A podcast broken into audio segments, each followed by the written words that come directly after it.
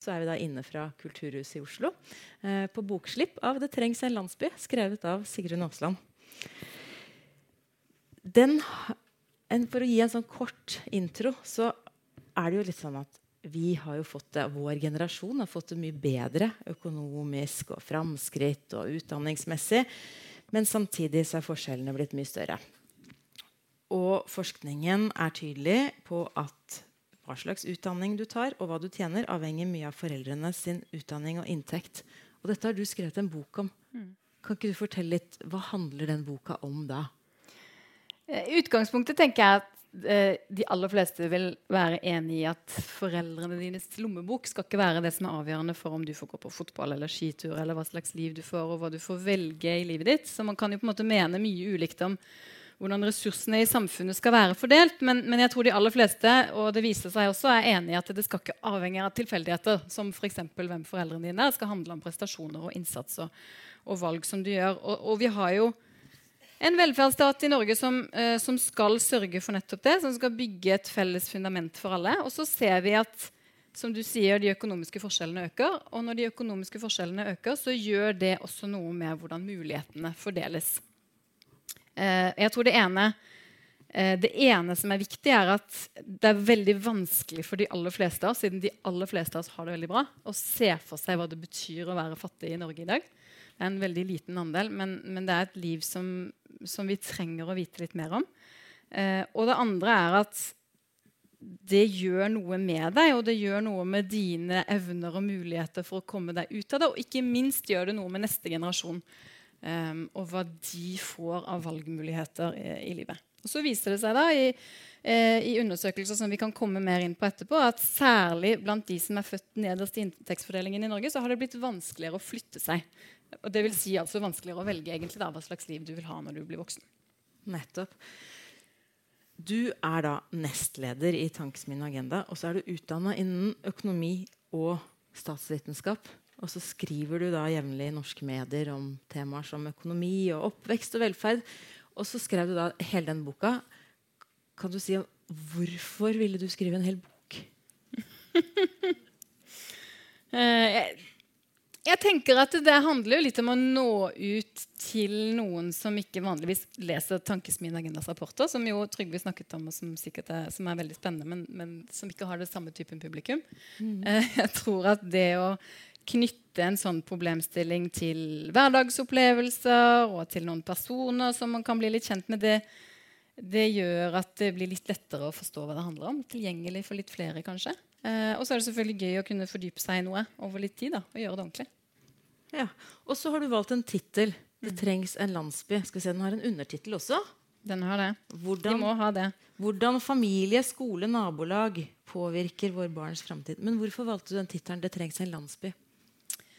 Fordi um, foreldre betyr jo mye. Og sånn er det i alle samfunn. Og så kan man måle på hvor mye er dine foreldres utdanning og inntekt og andre ting med på å påvirke hva du selv gjør. Men så er jo heldigvis ikke det det eneste. Det ville jo vært eh, synd om det var sånn. Det fins en masse andre fellesskap, særlig i barns oppvekst, som det viser seg er med på å avgjøre hva slags muligheter du får.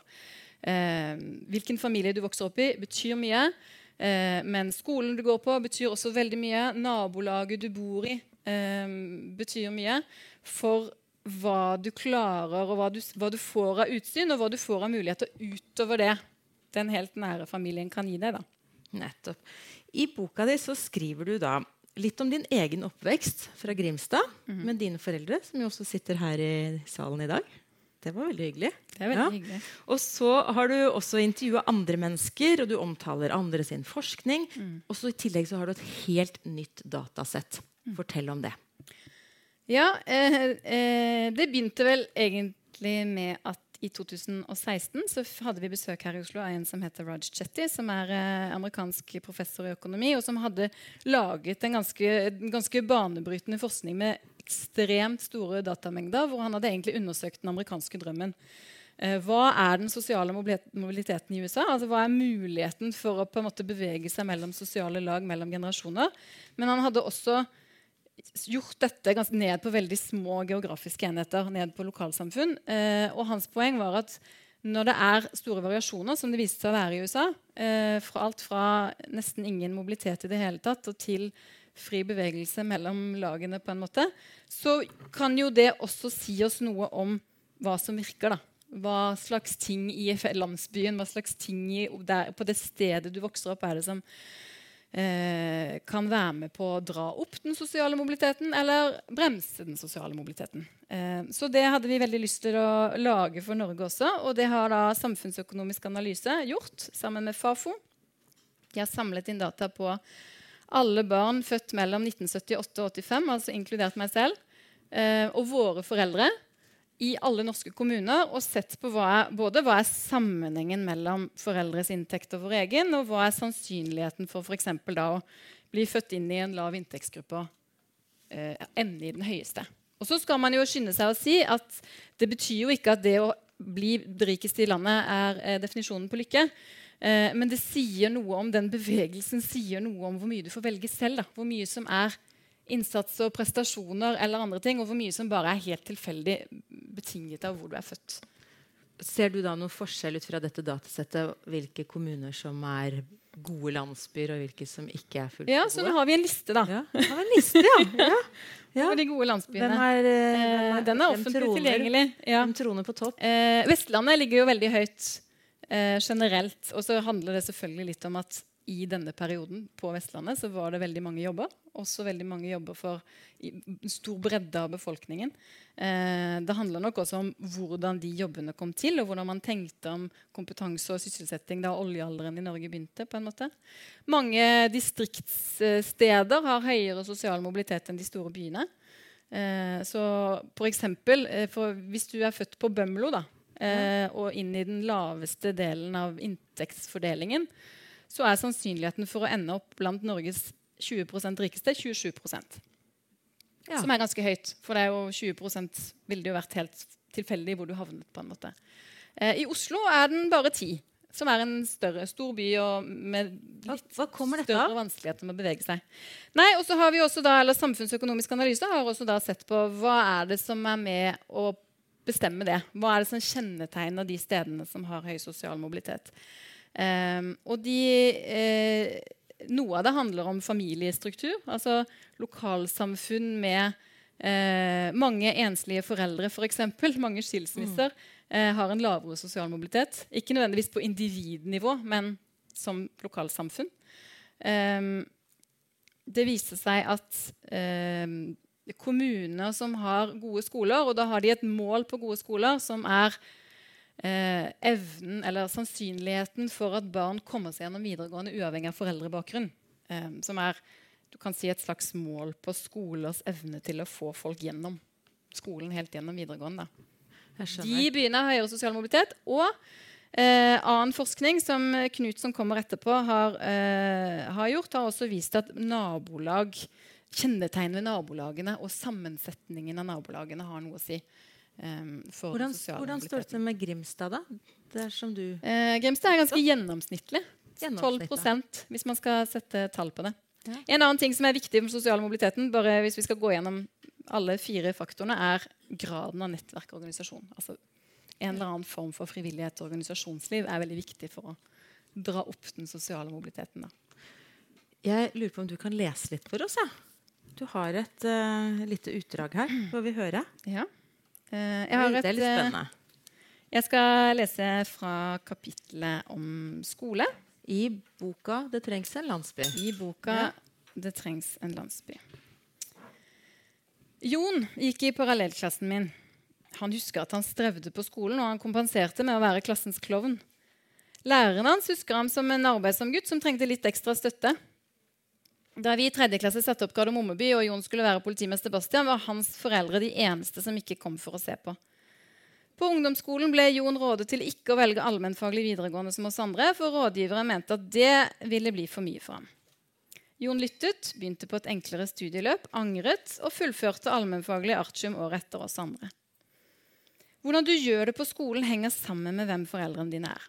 Barn av foreldre med lang utdanning gjør det bedre enn barn av foreldre med kun grunnskole. Når vi går ut av ungdomsskolen, så har akademikerbarna i snitt 12 karakterpoeng mer enn sine klassekamerater med foreldre uten utdanning utover grunnskolen. Og hele 90% av barn med høyt utdannede foreldre fullfører videregående skole. Tallet halveres når foreldrene kun har grunnskoleutdanning. Forskjellene var naturligvis mye større før for lenge siden, da de fattiges barn ikke engang gikk på skole. For gjennom forrige århundre så ble det offentlige skolesystemet gradvis bygget ut, og mulighetene til en god utdanning ble jevnere fordelt. Men så har utjevningen snudd. De siste årene har sammenhengen mellom foreldrenes inntekt og barnas skoleresultater blitt sterkere. Nettopp. Skal vi gi henne en liten applaus for det?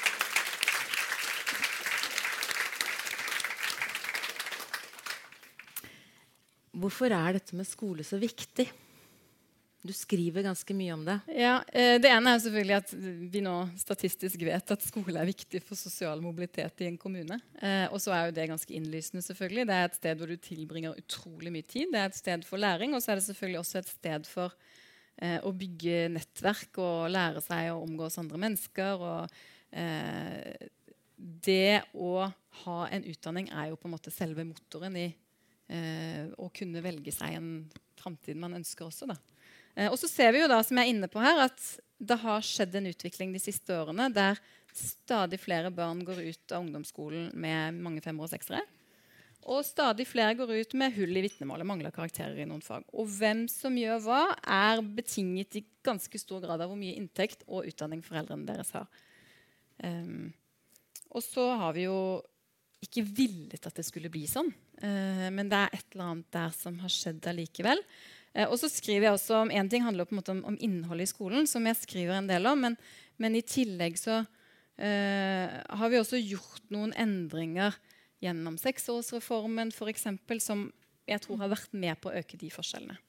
Det kan vi komme tilbake til litt senere når vi får ja. flere med oss her oppe. Uh, før de slipper til, uh, så vil jeg spørre deg for du snakker jo om sosial mobilitet. Men da lurer jeg på sosial mobilitet versus det å utjevne forskjeller og fjerne fattigdom. Eh, for du er opptatt av å øke den sosiale mobiliteten, altså muligheten til å få bedre levevilkår. Men er det ikke et bedre mål å bare utjevne forskjeller istedenfor å Altså alle kan ikke være rikest. Nei, eh, alle kan ikke være rikest. Og det henger jo sammen. Eh, men for det første så tror jeg at som jeg også var litt inne på innledningsvis, så er det veldig mange ulike meninger politisk om akkurat hvor like vi skal være. Og jeg tror ikke nesten noen mener at alle skal ha akkurat det samme.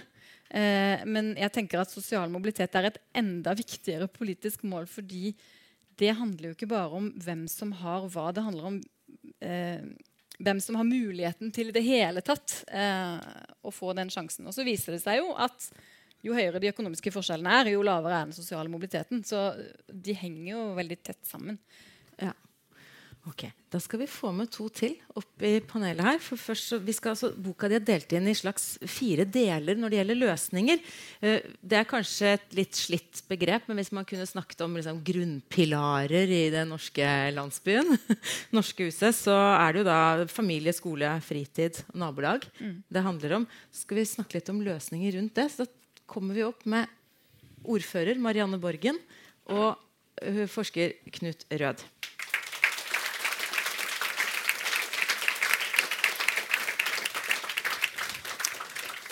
Velkommen. Og til dere da som lytter på Debatt i P2, så er vi da inne fra Kulturhuset i Oslo på boklanseringen til 'Det trengs en landsby', skrevet av Sigrun Aasland. Og nå har vi da med oss ordfører Marianne Borgen og Eh, Knut Rød. Jeg starter med deg, Knut. Eh, så skal ordføreren få slippe til etterpå, for hun har jo liksom sin egen landsby. på en måte. Men eh, eh Knut Rød er økonom og seniorforsker ved Frisch-senteret for samfunnsøkonomisk forskning ved Universitetet i Oslo. Særlig forska på dette med arbeidsliv og sosial mobilitet. Eh, du har laget en stor studie på nasjonalt nivå om sosial mobilitet. Hva er sosial mobilitet? Sosial mobilitet er jo som for så vidt Sigrun allerede har forklart, det handler om like muligheter for alle. Så Det handler om muligheten til å rykke opp og ned så å si inntektsfordelingen eller utdanningsfordelingen. og at Den familien du er født inn i, skal ikke ha altfor stor betydning for hvordan det ender opp med deg. Nå vil det jo være sånn at Man vil aldri få perfekt sosial mobilitet i den forstand at det ikke er noe sammenheng mellom hva slags familie du vokser opp i, og hvordan det går med deg i livet. For mye av den sammenhengen er kanskje rent biologisk og sosialt betinget. Det er ikke så mye politikere kan gjøre med det. Men som også ble sagt her, så er vel de fleste enige om at jo svakere den sammenhengen er, jo bedre er det på sett og vis. Og jo større er det en indikasjon på at vi faktisk har muligheter til å komme oss videre her i livet. Og, og det er klart at uh, Viljen også til å akseptere ulikhet i et samfunn er nok også veldig avhengig av den sosiale mobiliteten. Så hvis vi tror at det er stor ulikhet i dette samfunnet, men at egentlig har alle hatt muligheten til å bli rike hvis de virkelig hadde jobbet for det, ja, så er vi kanskje villige til å akseptere høy, høy ulikhet. Mens hvis dette er styrt av hva slags familie du ble født inn i, så tror jeg de fleste vil mene at den ulikheten kanskje ikke er så, er så rettferdig i en viss forstand. Ja, At det blir urettferdig. Ja. Marianne Borgen, eh, ordfører i Oslo, og også ved årets valg førstekandidat for SV. Og på mange måter liksom, mor Oslo. I, ja, I 30 år så har du jobba for barns rettigheter. Eh, du har jobba i Barneombudet, du har jobba i Redd Barna. Og så vet jeg at du er veldig opptatt av at Oslo skal være en god hva er det du pleier å si? En god by for barna er Nei, jeg mener jo at en god by å bo i for barn er en by som er bra å bo i for oss alle. Hva er da viktig i denne landsbyen, Ja, hvis vi skal bruke Sigrun begreper? Ja, jeg har jo helt siden jeg begynte å jobbe hos Barneombudet i 1985, så gammel er jeg liksom, eh, brukt dette afrikanske ordtaket 'It takes a village to raise a child', som jeg skjønner også har inspirert tittelen på boken. Eh, og det handler nettopp om samspillet mellom foreldrenes ansvar for barn og det nabolag eller den landsbyen eller den byen og stedet du vokser opp i. Og jeg er veldig glad for at noe av utgangspunktet, eh, slik du forteller Jeg har ikke fått lest boken, men slik du forteller, er bl.a. å se litt på, på forskjeller. For jeg tror jo at hvis vi skal skape et godt samfunn for barn å bo i, og for oss alle å bo i, så må vi jobbe for å skape mindre forskjeller mellom folk. For jeg tror at uh, små forskjeller det skaper sterkt samhold, og det igjen skaper tillit mellom mennesker. Og når forskjellene blir for store, og særlig forskjeller mellom barn blir for store, så opplever barn veldig fort det vi kaller for et utenforskap. De blir satt liksom utafor fra de er bitte, bitte små. Og jeg har jo snakket mye med barn, og i den jobben jeg har som ordfører også, så møter jeg veldig mange barn.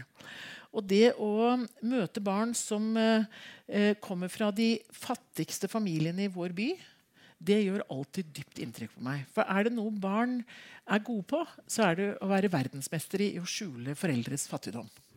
De er ekstremt lojale til sin familie. Derfor forteller barn ikke om at de har lyst til å begynne på håndballen eller fotballen, for de vet at det koster penger. Derfor forteller de ikke at de blir invitert til bursdagsselskap eller eh, andre typer aktiviteter de kunne tenke seg å være med på. Barn som lever i fattige familier i vår by, i Oslo by, sikkert også i mange andre kommuner, det er de barna som ikke går i barnehage. Det er de barna som ikke går på aktivitetsskolen eller SFO. Det er de barna som ikke er med på håndballen og fotballen og idretten. i det hele tatt. De går heller ikke i kultur- og musikkskolen. Det er på mange måter mange av de barna og ungdommene som etter hvert fra tidlig alder opplever at de ikke er med på det som er vanlige aktiviteter for barn flest. Og det blir det frustrasjon av, det blir det sinne av, og det skaper sånn sett også et utrygt samfunn for, for mange av oss. sånn at det med å utjevne forskjeller eh, på et litt overordna nivå. Ikke bare sånn liksom finne et fattig barn og løfte liksom litt opp, men det handler litt om hva slags samfunn vi etter hvert skaper.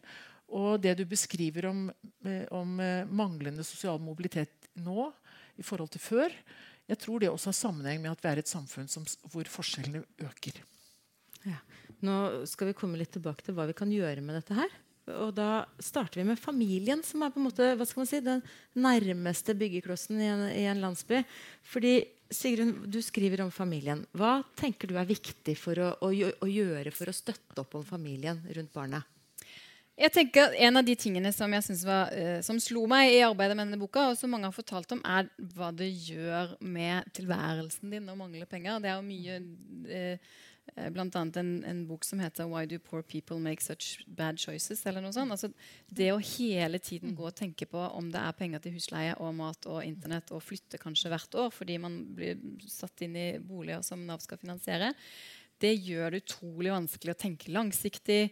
Eh, søke den jobben, ta det kveldskurset, gjøre alle de tingene som vi kanskje kan tenke var fornuftig da, hvis du skulle komme deg ut av fattigdom.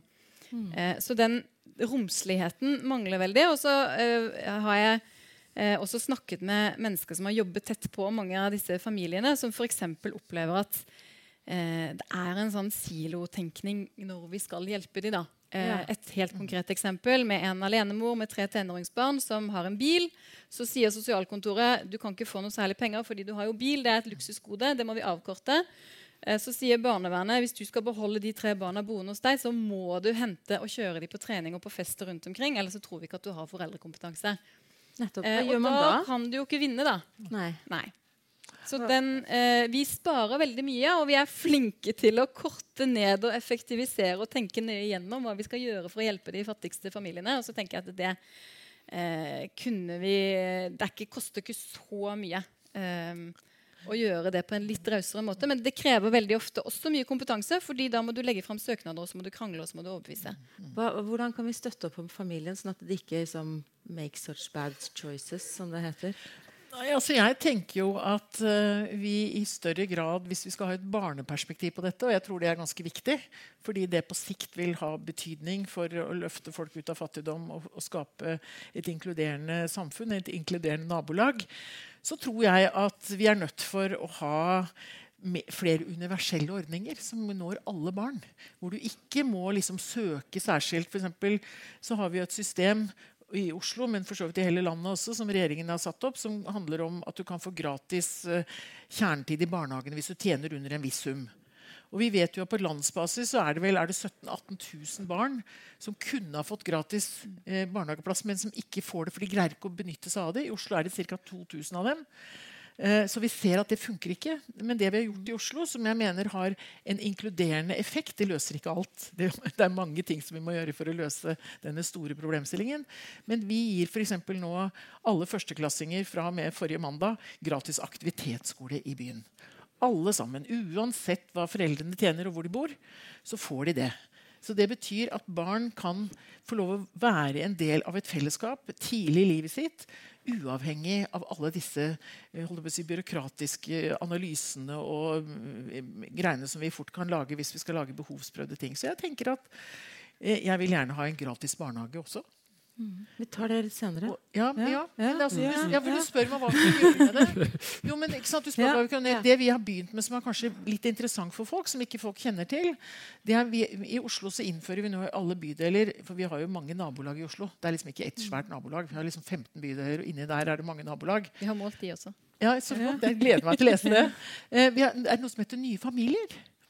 Og der, Det innfører vi nå. og det er sånn at Alle familier som får sitt første barn i Oslo, kan ha barn fra før, men første barn i Oslo, de får hjemmesøk før barnet blir født. Er det bra, Sigrun? Er det jo, noe som grunnen til, det, grunnen til det er at jo, Jeg prøver liksom å få litt sånn samtale. vet du. Er, jo, men grunnen, jeg må si grunnen, da. For grunnen er at uh, da kan man kanskje få en relasjon, en kontakt med familier som også sliter litt. fordi da kan du lett komme inn med tiltak og virkemidler og klare kanskje å få til en helhet. For du beskriver jo et oppsplitta system. Mm. Er dette en av de ja, jeg er i hvert fall veldig enig i det med barnehager og AKS. Og aktivitetsskolen er jo et kjempegodt eksempel på en veldig god intensjon som ble veldig Men Hvis vi tenker oss inn på familien, dette med sånn inn på familien så er jeg helt enig i at universelle ordninger det har jeg også, det har jeg også vært innom, har vist seg å fungere veldig dårlig.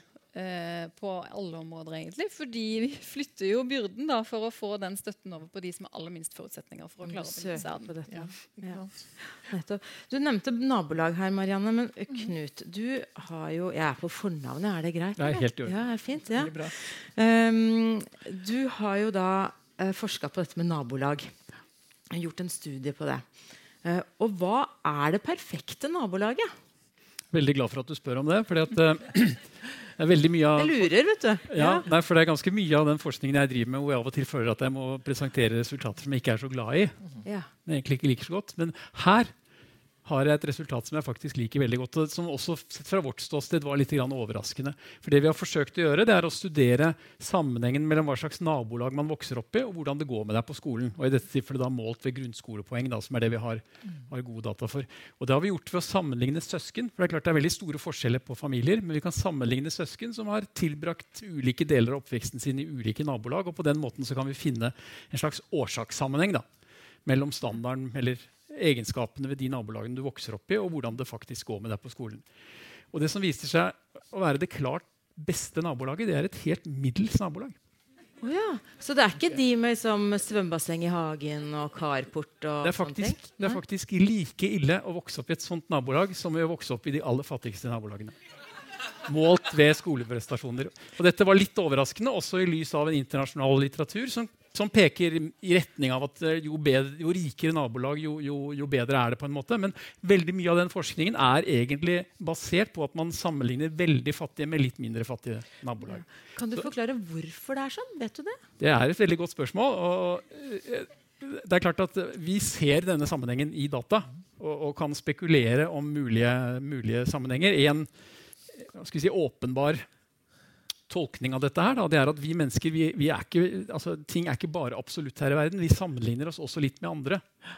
Så Hvordan vi opplever oss selv, vår egen selvfølelse, har kanskje litt sammenheng også med, med, hva vi ser rundt oss. og Det har også betydning for hvor mye oppmerksomhet vi får. Så det å vokse opp sammen med bare rikinger eller folk som har veldig mye ressurser, kanskje veldig, veldig velutdannede foreldre, det er ikke sikkert at det er det som styrker selvfølelsen mest for alle. Men det fine med dette resultatet er jo at, at det, det fins en sånn god løsning. Altså Hvis vi bare blander oss litt bedre, så, så, så, så kommer alle bedre ut. Marianne, det er det som er ganske Det er det som er ganske flott med dette. Ja, Marianne, kan du ikke bare blande folk i Oslo litt mer? Da? Jo, ikke sant? Ja. Det, det, som er, det, som jo er en, en, et hinder for sånn blanding, da, det er at det er noen, eh, bolig, eh, det er noe boligpolitikk oppi dette som gjør at det av og til ikke blir så mye blanding som vi hadde ønsket oss. Men jeg har lyst til å nevne et eksempel fra Tøyen. Ja. Tøyen er jo en, eh, si, en, landsby i Oslo. Hvor de fattigste sannsynligvis familiene i Oslo, og kanskje til og med hele landet, bor.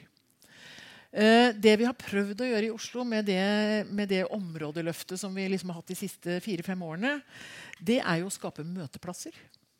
Steder for ungdom å være. Steder for ungdom og voksne og eldre å kunne møtes.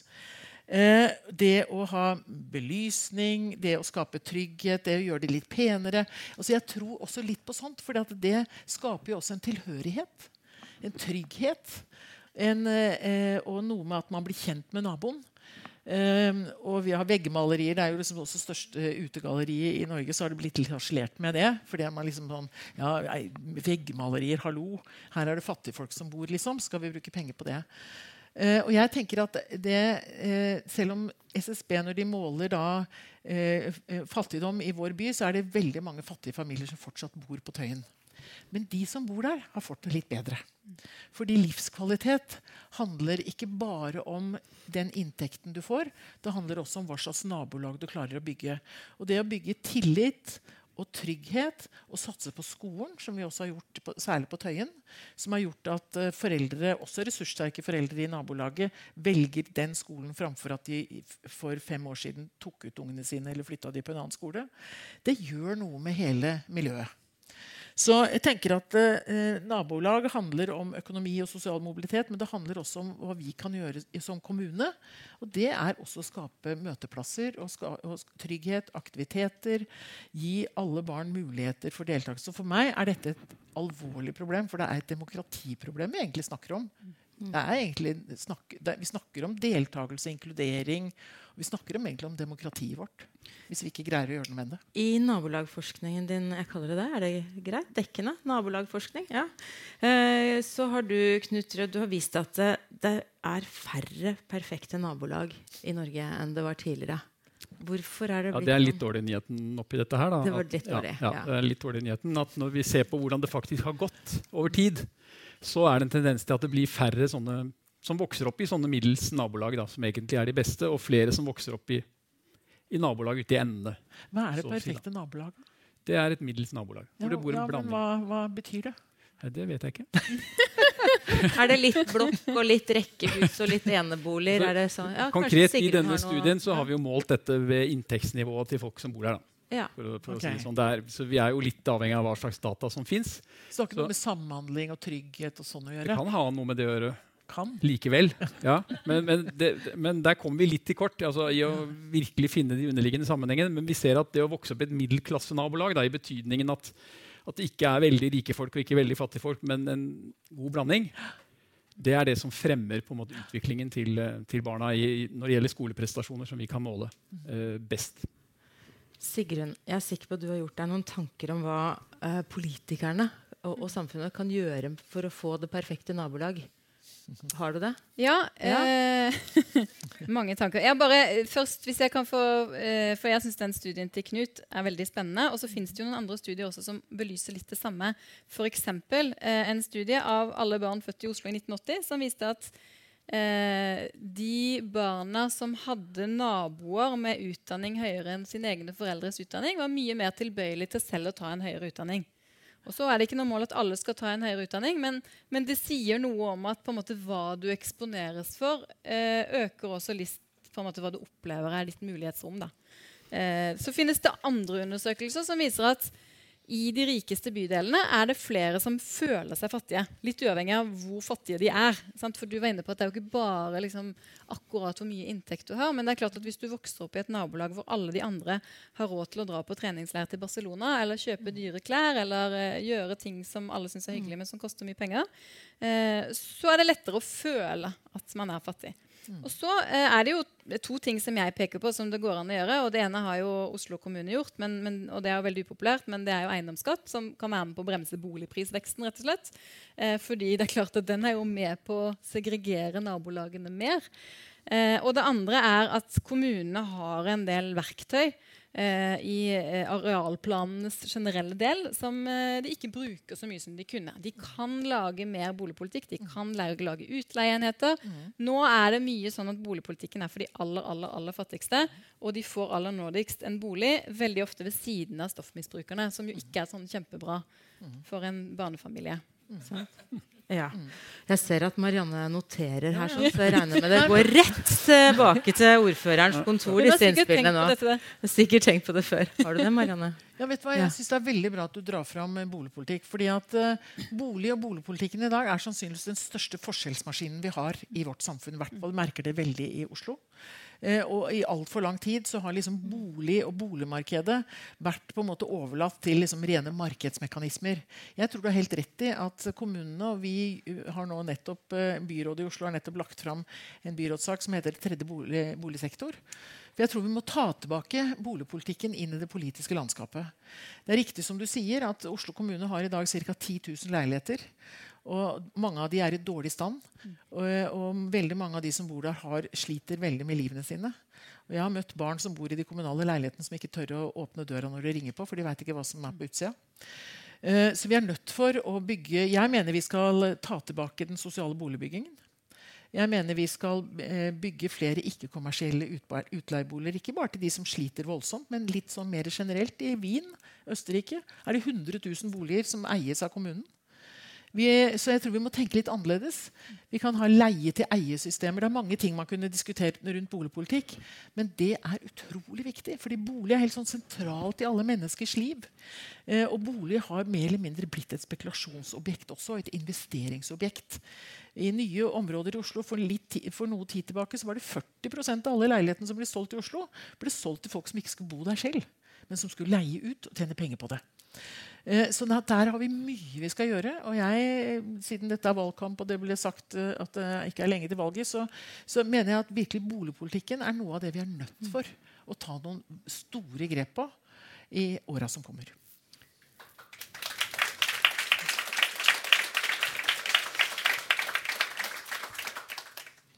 Vi går videre og snakker om boka eh, til Sigrun Aasland her. 'Det trengs en landsby'. handler om sosial mobilitet. Eh, skole er ett moment. Dere har nevnt det så vidt det er, eh, flere av dere. Eh, og Sigrun, du sa også innledningsvis at du mener at noen av de reformene som har blitt innført i skolen, har slått feil. Eh, og kanskje bidratt til å øke ulikhetene. Og så litt overraskende, kanskje, så i hvert fall for meg som ikke er veldig belært i dette, så peker du på seksårsreformen og skolefritidsordningen. Forklar litt om det. Ja, eh, dette er jo et område til som da viser seg har stor betydning for sosial mobilitet, og som er nå de siste årene i ferd med å bidra til fallende sosial mobilitet. Og da man eh, innførte seksårsreformen, den stortingsmeldingen som ble laget da, den er jo full av mange gode intensjoner, men det var én ting som var, blant annet var viktig, og det var at man sa eh, at det er for mange barn som møter første skoledag uten liksom, det samme grunnlaget. For det var mange som ikke gikk i barnehage. Dette var før barnehagereformen, det var før makspris. Det var veldig mm. dyrt å gå i barnehage. Og man ville lage et felles første år for alle som skulle ha samme forutsetninger. Mm. Så fikk man en masse utredninger til å se på det, og forskere grublet lenge. Og de kom tilbake og sa det kan dere godt gjøre, men dere må ikke presse læring lenger ned i aldersgruppene, for vi har ingenting som tilsier at det har noen effekt. Eh, så gikk det ikke så veldig mange år etter det. Så kom Kunnskapsløftet og med en del mål på hva man skulle lære, og når man skulle ha lært det. Og så er det jo mange nå som sier at man har presset ganske mye læring ned i tidlig skolealder. og det eh, er ikke like lett for alle å møte. Og det er selvfølgelig ikke bare økonomi, økonomi som avgjør det, men mye tyder på at eh, det krever mer eh, også bl.a. av familien. Og så gjorde man en ting til. fordi Hvis disse små barna skulle gå på skolen, så måtte de jo ha noe å gjøre etter at skolen var ferdig.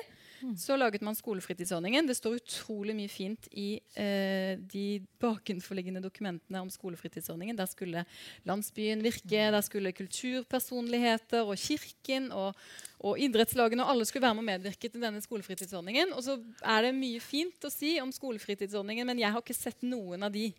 Um, og det andre man gjorde, var jo at man uh, la til litt sånn på tampen at da kan jo kommunene ta litt betalt for dette. For dette har vi jo ikke finansiering til. Og det er en mur som man da har laget, hvor man egentlig tar betalt for å være med i et nettverk som alle barn får være med i. da. Nesten alle. Knut, før jeg slipper til Marianne. Eh, hva tenker du om dette med skole? Hva har du sett i, i, i din samfunnsforskning på dette?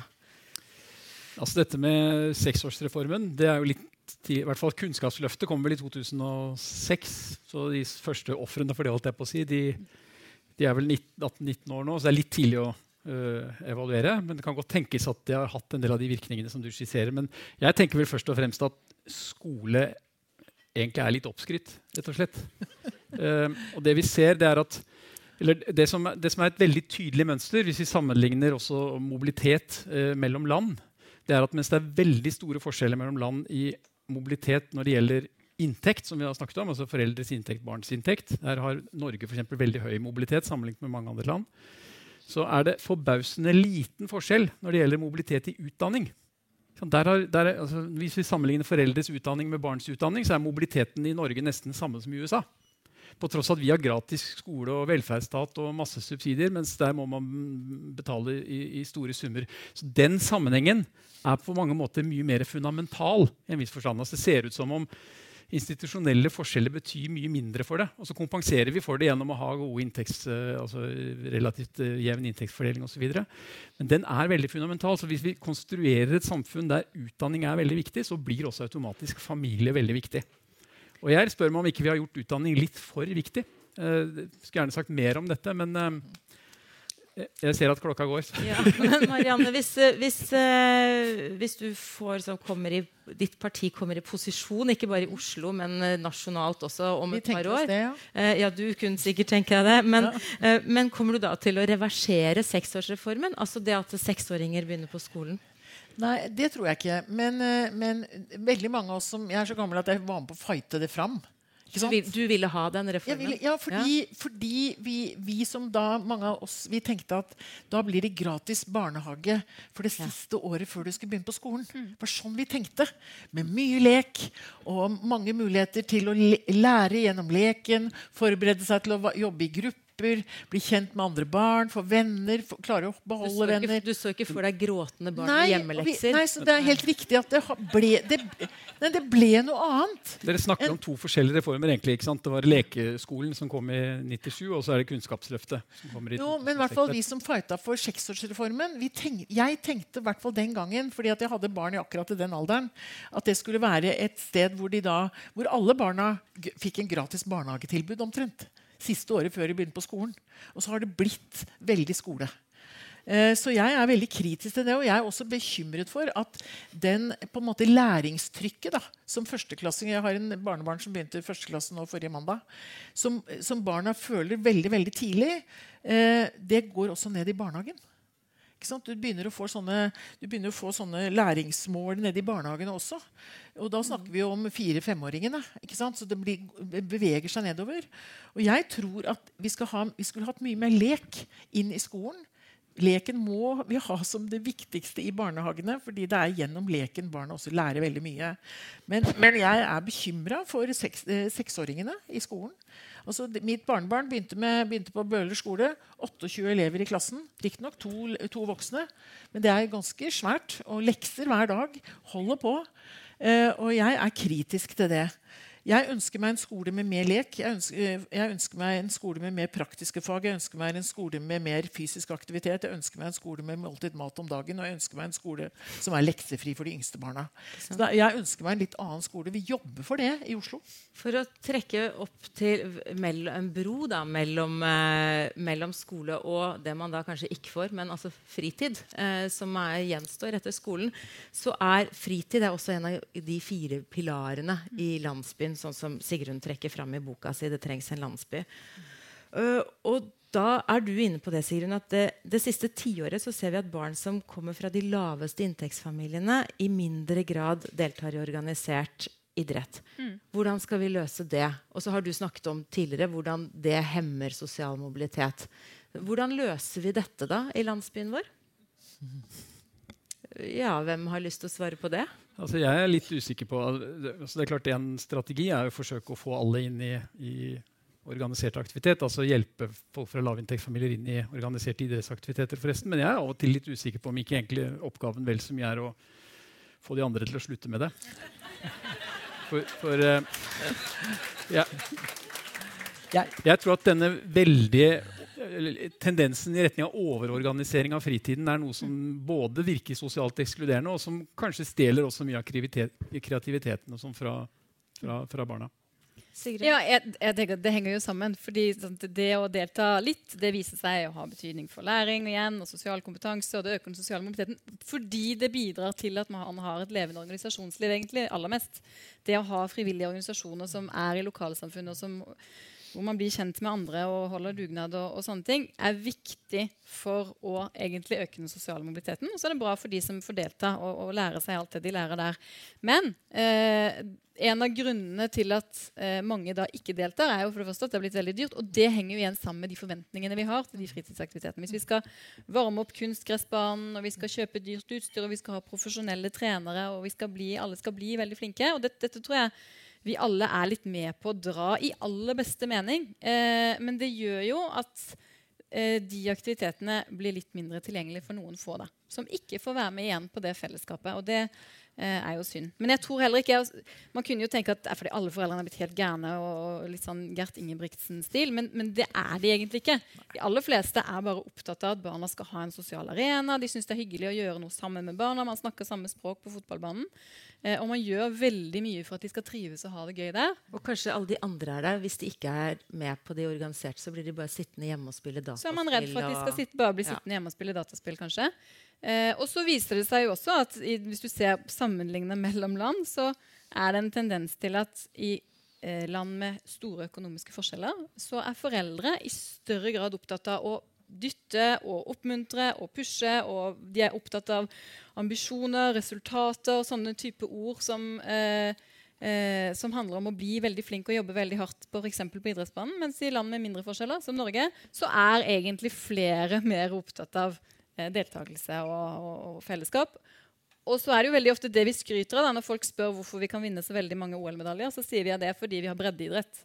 Eh, fordi ja. alle får være med. Så det er også et eh, argument for å ja. passe på at alle får være med. Helt til slutt, Marianne. Eh, fritid som grunnpilar. Hva, hva, hva, kan vi gjøre for å få Nei, altså, det er jo flere ting. Jeg tenker at eh, Når vi er inne på idretten her, så tror jeg faktisk at vi etter hvert er nødt for å også utfordre idretten. Det offentlige Norge bruker mye penger på å investere i idrett. Anlegg og greier.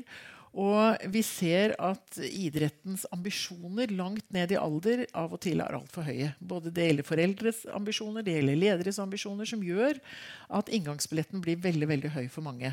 I Oslo så vil jeg påstå at vi eh, har en slags klasseskille i idretten. Eh, og det er veldig alvorlig, egentlig, syns jeg. Eh, fordi eh, jeg tenker at Det betyr også en profesjonalisering av barneidretten som gjør at foreldre kjøper seg fri fra dugnadene. Ikke sant? Eh, og dugnader og frivillighet er også en del av limet i vårt samfunn. Også en del av nabolaget. Eh, jeg har tre voksne barn, og når de holdt på med idrett, så var det jo av og til forferdelig. fordi vi måtte gjøre så mye. Men da ble man kjent med de andre foreldrene, ble kjent med de andre barna. Og det var også viktig i nabolaget. Sånn at hvis det forvitrer og det, Jeg er ikke så, egentlig så engstelig for det, fordi det er veldig mye frivillighet i vår by. Det er utrolig mange som gjør en kjempejobb. Men du ser tendenser noen steder til at noen ønsker å kjøpe seg helt fri fra det. Eh, og profesjonaliserer også idretten langt langt ned i alder. Og der kan det, I de klubbene kan det koste 20 000-30 000 kroner å være med på fotballen i løpet av året. Eh, mens de andre klubber koster 100 kroner året. Så du har hele spekteret. Jeg glemmer aldri den ungdommen som jeg møtte når jeg jobba i Redd Barna. Når jeg drev med sånn, eh, og på en måte snakket med unger som levde i familier med vedvarende fattigdom, som sier Marianne, jeg vet hvordan det er å leve i knapphetens tyranni. Eh, han visste til enhver tid hva, når mamma fikk penger, eh, hva hun hadde av penger. Han visste hva han kunne spørre om, hva han ikke kunne spørre om. Så den lojaliteten som barn har knytta til disse tingene vi snakker om, gjør at jeg er mer og mer overbevist om at vi må åpne opp. Vi må skape universelle ordninger. Vi må, eh, vi må passe på at inngangsbillettene blir veldig veldig lave for oss alle sammen. Og så er det jo ikke, Når vi har gratis aktivitetsskole med masse aktiviteter Jeg pleier å si det er jo ikke gratis. vet du. Det er bare måten vi betaler det på. Vi betaler det i fellesskap istedenfor at hver familie skal betale 22 000 kroner hver i året. Men det er ikke gratis. Det er bare en annen måte å betale ting på. Og det syns jeg vi skal gjøre mer når det gjelder tilbud for barn. Tusen takk.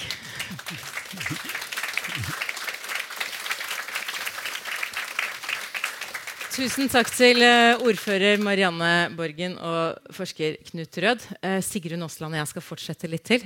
Kan, nå kan dere få friminutt.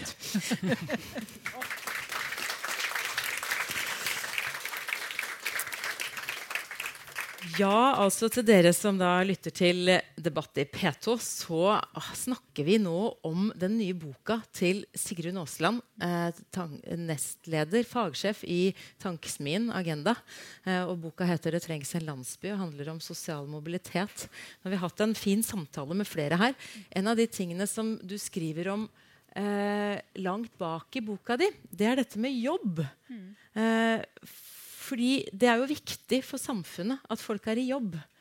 Uh, og så beskriver du alle disse tingene som gjør at uh, man kanskje ikke kommer seg i jobb. Man havner på uføretrygd og sånt.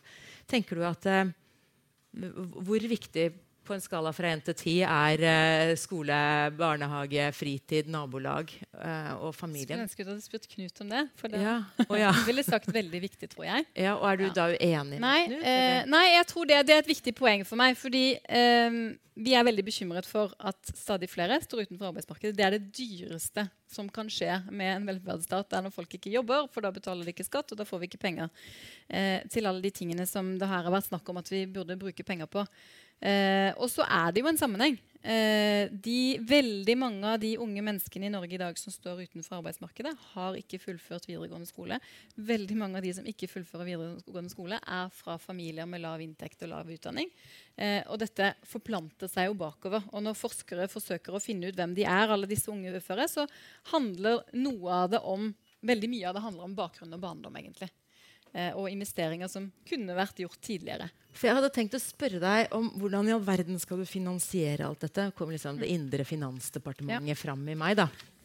Hvordan skal du finansiere alle skolereformer og alt mulig? Men da er rett og slett at du tenker at da kommer alle i jobb? Hvis vi bare gjør ja, det? Og så er det ikke så mange ting det er, mange, det er, en del ting som burde gjøres, men de er ikke sånn det er ikke så mye penger i det jeg har foreslått. her. Det ene som er veldig veldig dyrt, det er eh, gratis SFO eller skolefritidsordning og barnehage. Det skjønner jeg. Det koster mye. Det tror jeg vi trenger å tenke på mer som en investering i senere arbeidsinnsats. Og det gjør vi jo egentlig med all, annen, vel, alle andre velferdsinvesteringer. Så tror jeg det å tenke mer tverrfaglig og slutte å avkorte en bitte liten stønad i den ene enden med en bitte liten i den andre enden, det koster ikke så veldig mye. Det handler litt mer om organisering. Eh, mer aktiv boligpolitikk og utleie til litt flere enn de aller fattigste, som vi var inne på, det koster ikke veldig mye. Det, det, man må jo organisere det på en måte. Eh, og så er det en ting til som koster litt, som vi ikke har snakket så mye om. Regjeringen har jo lovet å innføre et sånn fritidskort hvor alle skal få delta i idrettsaktiviteter. Ja. Eh, som jeg er håper dyrt. de ikke skal behovsprøve. Og det koster en del, men det som da ikke koster noe tvert imot, det er jo å, å få foreldre til å holde litt grann igjen på utgiftssiden på de samme fritidsaktivitetene. Akkurat. Da har de penger til overs til eiendomsskatten dessuten. For du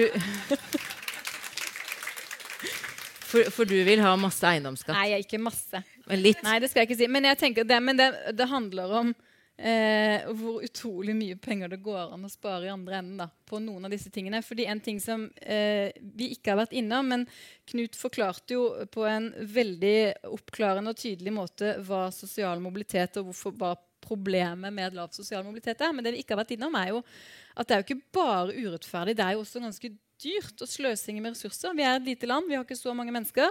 Hvis det er sånn at en del talenter i samfunnet vårt rett og slett ikke blir tatt i bruk, da, fordi de tilfeldigvis blir født inn i en lavinntektsfamilie, eh, så taper vi veldig mye på det. Eh, og Raj Ja. Chetty, som jeg var innom, som har laget dette datasettet i USA, har laget en studie etterpå som han har kalt for The Lost Einsteins. Altså alle de barna som ikke ble oppfinnere i Silicon Valley i dette tilfellet fordi foreldrene deres ikke hadde penger. Og sånn er det ikke i Norge.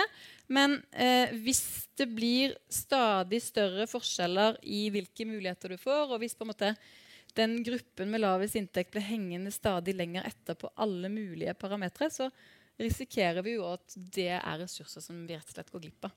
Ja. Sånn at eh, det er rett og slett dårlig For én ting er at det er veldig kjipt å være av de fattigste eh, og alltid føler seg utenfor. Det er, vi snakker om fattigdom og som utenforskap også. Det er jo veldig kjipt for den enkelte, men du legger altså vekt på at det er dårlig for samfunnet også. Mm. På hvilken annen måte er det dårlig for samfunnet enn at du går glipp av masse Einsteins? da? Nei, eh, jeg tror det, det ene som vi har vært inne på allerede, er at det viser seg at toleransen for forskjeller er større hvis vi tror at de forskjellene er et resultat av innsats, prestasjon. Eh, og eh, villigheten til å, å, å være med og betale for fellesgoder tenker jeg avhenger også litt av om vi tror at eh, eh, Om vi tror at det har noe for seg. Da, at, det, at det har noe for seg å løfte noen flere. Eh, så villigheten til å være med å betale skatt til og være med å finansiere de, de fellesgodene som trengs for å ta alle talentene i bruk, tenker jeg avhenger litt av om vi faktisk tror at det er tilfeldig eh, at vi er blitt flinke, eller om vi eh, går og innbiller oss at det bare var fordi vi var ekstremt flinke. Nettopp. Um, Vi skal snart gå inn for landing her, men du skriver altså Du bruker et par begreper i boka di. Eh, to korte ord som er flaks og skam. Eh, på hvilken måte vil du forklare at de to begrepene hører hjemme i en diskusjon om sosial mobilitet? Altså det ene er jo tenker jeg at sosial mobilitet, Lav sosial mobilitet er det samme som stor betydning av flaks. da. Eh, fordi det er ganske tilfeldig hvilken familie du fødes inn i. Du kan ha flaks, eh, eller du kan ha uflaks. Og så eh, Når man gjør eksperimenter med å prøve å finne ut hva folk syns er ok grunnlag for ulik fordeling, eller for fordeling av ressurser, så er det veldig mange som syns at flaks er litt urettferdig, mens prestasjoner det er greit. Skam, Eh, skam handler om eh, det som eh, veldig mange Som kanskje gjør at veldig mange ikke søker på behovsprøvde ordninger. Da, eller at veldig mange slutter på fotballen, og så sier de at de syns ikke det var så veldig gøy. Eh, og de sier ikke at det var fordi det ble for dyrt. Og det er en særlig det er særlig sterk i en velferdsstat som Norge, fordi vi får jo beskjed om at vi har jo gjort alt for deg. Fellesskapet og staten og velferdsstaten har gjort alt for deg. Og hvis du likevel ikke fikk det til, nei, så kan du skylde deg selv. Da kan du gå og skamme deg, liksom. Og det er det knyttet skam til. Ja, nettopp. Hvis du skulle ha valgt deg ut Du har jo en lang rekke d- Du avslutter jo også boka. Hvis, hvis dere ikke gidder å lese hele boka, som dere for øvrig kan kjøpe bakerst og få signert og alt mulig etterpå eh, Hvis dere ikke gidder å lese hele, så kan dere i hvert fall lese slutten, for der står det liksom oppskrift. Det er nesten sånn oppskriftsboka, kokeboka, på hvordan uh, fikse dette. Men hvis du skulle trekke frem én ting som du vil gjøre for å øke sosial mobilitet, hva skulle den ene være? Jeg tror ikke det er, det er ikke én ting, men poenget er vel mer at det er ikke sånn veldig vanskelig. da. Eh, det er en del ting. Noen av de koster mye penger, veldig mange av de koster ikke så mye penger. Men, eh, men det er en ganske god investering. Eh, og vi kan gjøre noe for å få alle til å gå i, få lov til å gå i barnehagen og få alle til å delta på aktivitetsskolen. Da kan vi ikke ha betaling for det. Um, vi kan bli mye flinkere til å møte familier i krise på en litt rausere måte. Trenger heller ikke koste så veldig mye. Um, vi kan ha en mye mer aktiv boligpolitikk. Um, som, også, som gir mer stabile boligvilkår for de som har litt trang økonomi, men uten å nødvendigvis være forbeholdt de aller, aller, aller fattigste.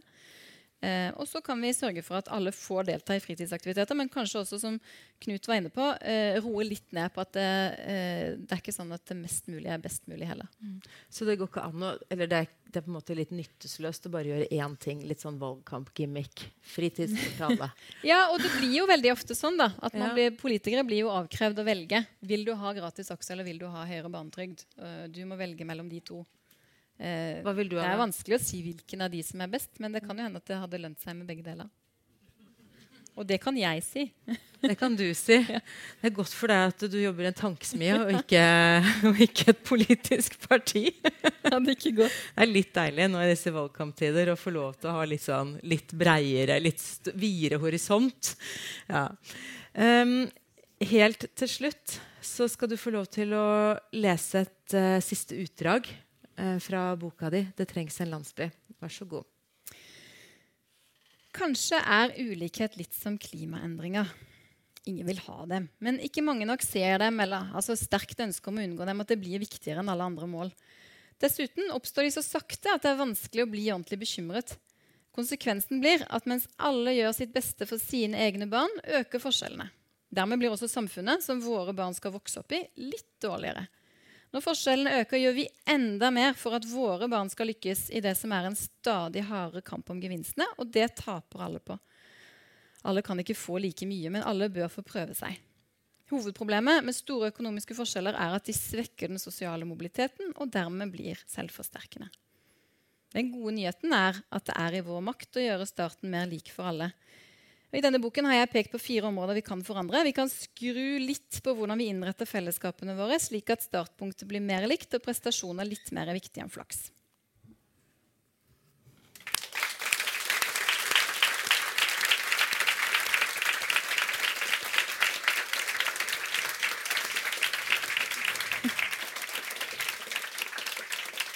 Du der avslutta du Det siste ordet du leste der, var 'flaks'. Og så har jeg tjuvlest litt. da, sånn at jeg vet at etter at du skriver der sånn, så kommer du med litt sånn oppskrifter på hvordan du skal, hvordan du skal gjøre dette her, hvordan man kan gjøre dette her sånn.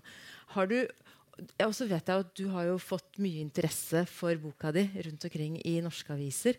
Hatt den uh, Klassekampen trakk deg fram som uh, ukas bok, og du var en helside omtale i Dagbladet i går. og helt tatt, er det, tenk på sånn, du er jo økonom, og Dagens Næringsliv kunne vel ha skrevet litt? Hvorfor, uh, hvorfor uh, glimrer de med sitt fravær, tror du? Det tror jeg du må spørre Dagens Næringsliv om. spørre Dagens Næringsliv. Ok, Til alle dere som kom her i kveld uh, på bokslipp for Sigrun Aasland sin 'Det trengs en landsby', tusen takk for at dere kom. Husk at dere kan kjøpe bok signert av Sigrun bakerst.